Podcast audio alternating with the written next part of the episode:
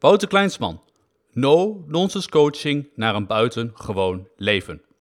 Vier dingen waardoor je meer controle kan krijgen over je leven.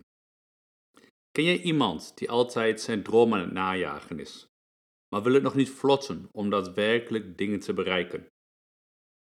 Of ben je misschien wel succesvol in het leven, maar je continu het gevoel over dat je meer en beter kan of wil? No worries. Vandaag laat ik je zien hoe je van jouw gemiddelde leven een buitengewoon leven kunt maken. Vorige keer had ik het over de act en nu ga ik een stap verder. Het leven is fucking easy, right?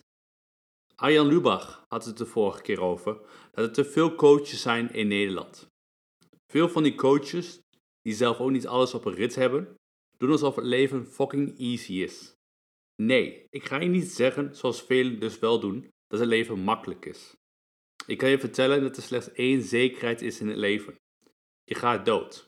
Maar weet je, voor het zover is, kun jij het jezelf vele malen eenvoudiger en mooier maken in het leven. In het begin heeft je leven geen betekenis.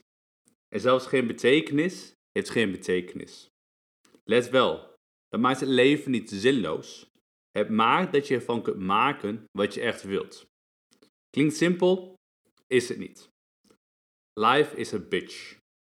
Je zou denken dat het simpel is om alles betekenisloos te zien, maar zo zitten we mensen niet in elkaar. We geven namelijk alles een betekenis in het leven.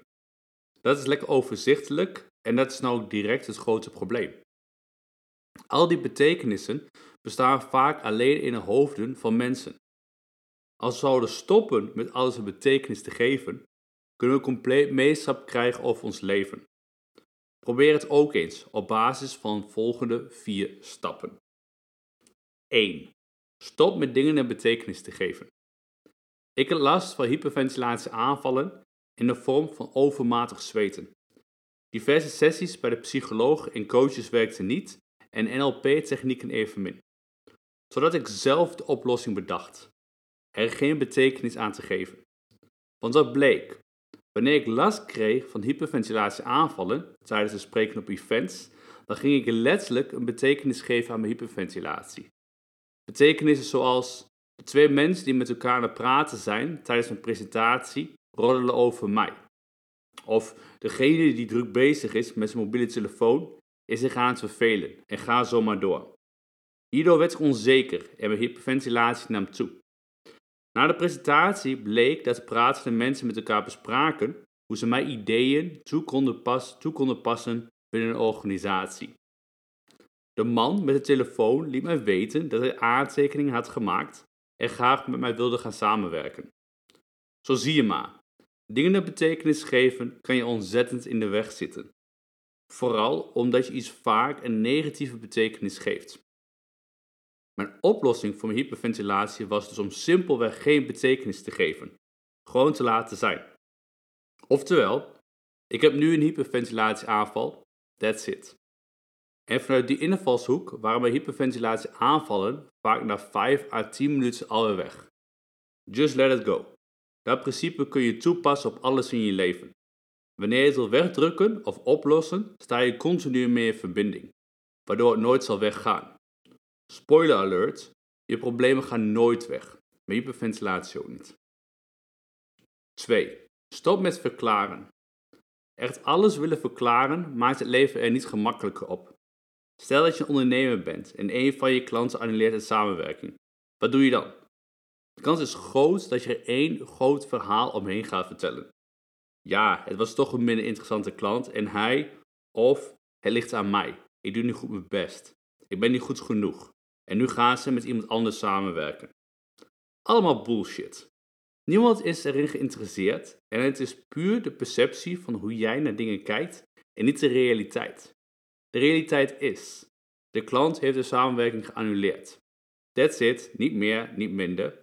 En vanuit die realiteit maak je een keuze hoe je actie gaat ondernemen. 3.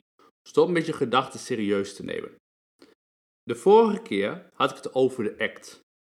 Als je die podcast niet hebt beluisterd, doe het dan eerst, anders begrijp je niks van het punt.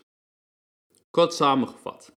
In je jongere jaren maakte je bepaalde keuzes en nam je een identiteit aan en deze herhalen zich continu. Dat zorgt ervoor dat je later vastloopt in je leven, omdat die opvattingen het onmogelijk maken om de wereld anders te gaan zien. Het zijn letterlijk gedachten van de minderjarige. Om vrijheid en meesterschap te krijgen over je leven, stop je met het serieus nemen van die gedachten. Je bent immers nu een volwassene die een token draaiende moet houden. 4. Oftewel, de keuze is aan jou. Heel kort door de bocht, geredeneerd is alles wat je in je leven doet bullshit. Je kunt ontzettend veel bereiken, maar het zal toch nooit goed genoeg zijn. En uiteindelijk ga je dood. En alles wat je hebt gecreëerd verdwijnt. Klinkt negatief? Nee hoor. Enkel als je je betekenis eraan meegeeft.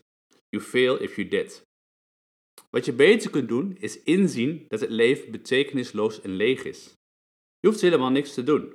Op doodgaan na dan.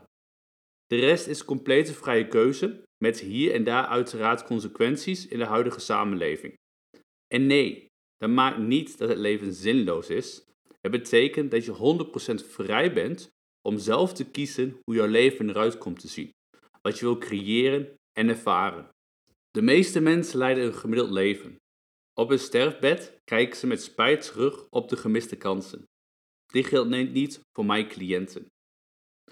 Wil je de complete, praktische, no-nonsense gids die jou naar de buitengewone leven leidt? In mijn bestseller Zo word je een gamechanger omschrijf ik in vier fases een complete strategie voor het nemen van leiding over je eigen leven. Je kunt dit boek bestellen via wouterkleinsman.nl slash boek. Voor meer informatie over coaching zie wouterkleinsman.nl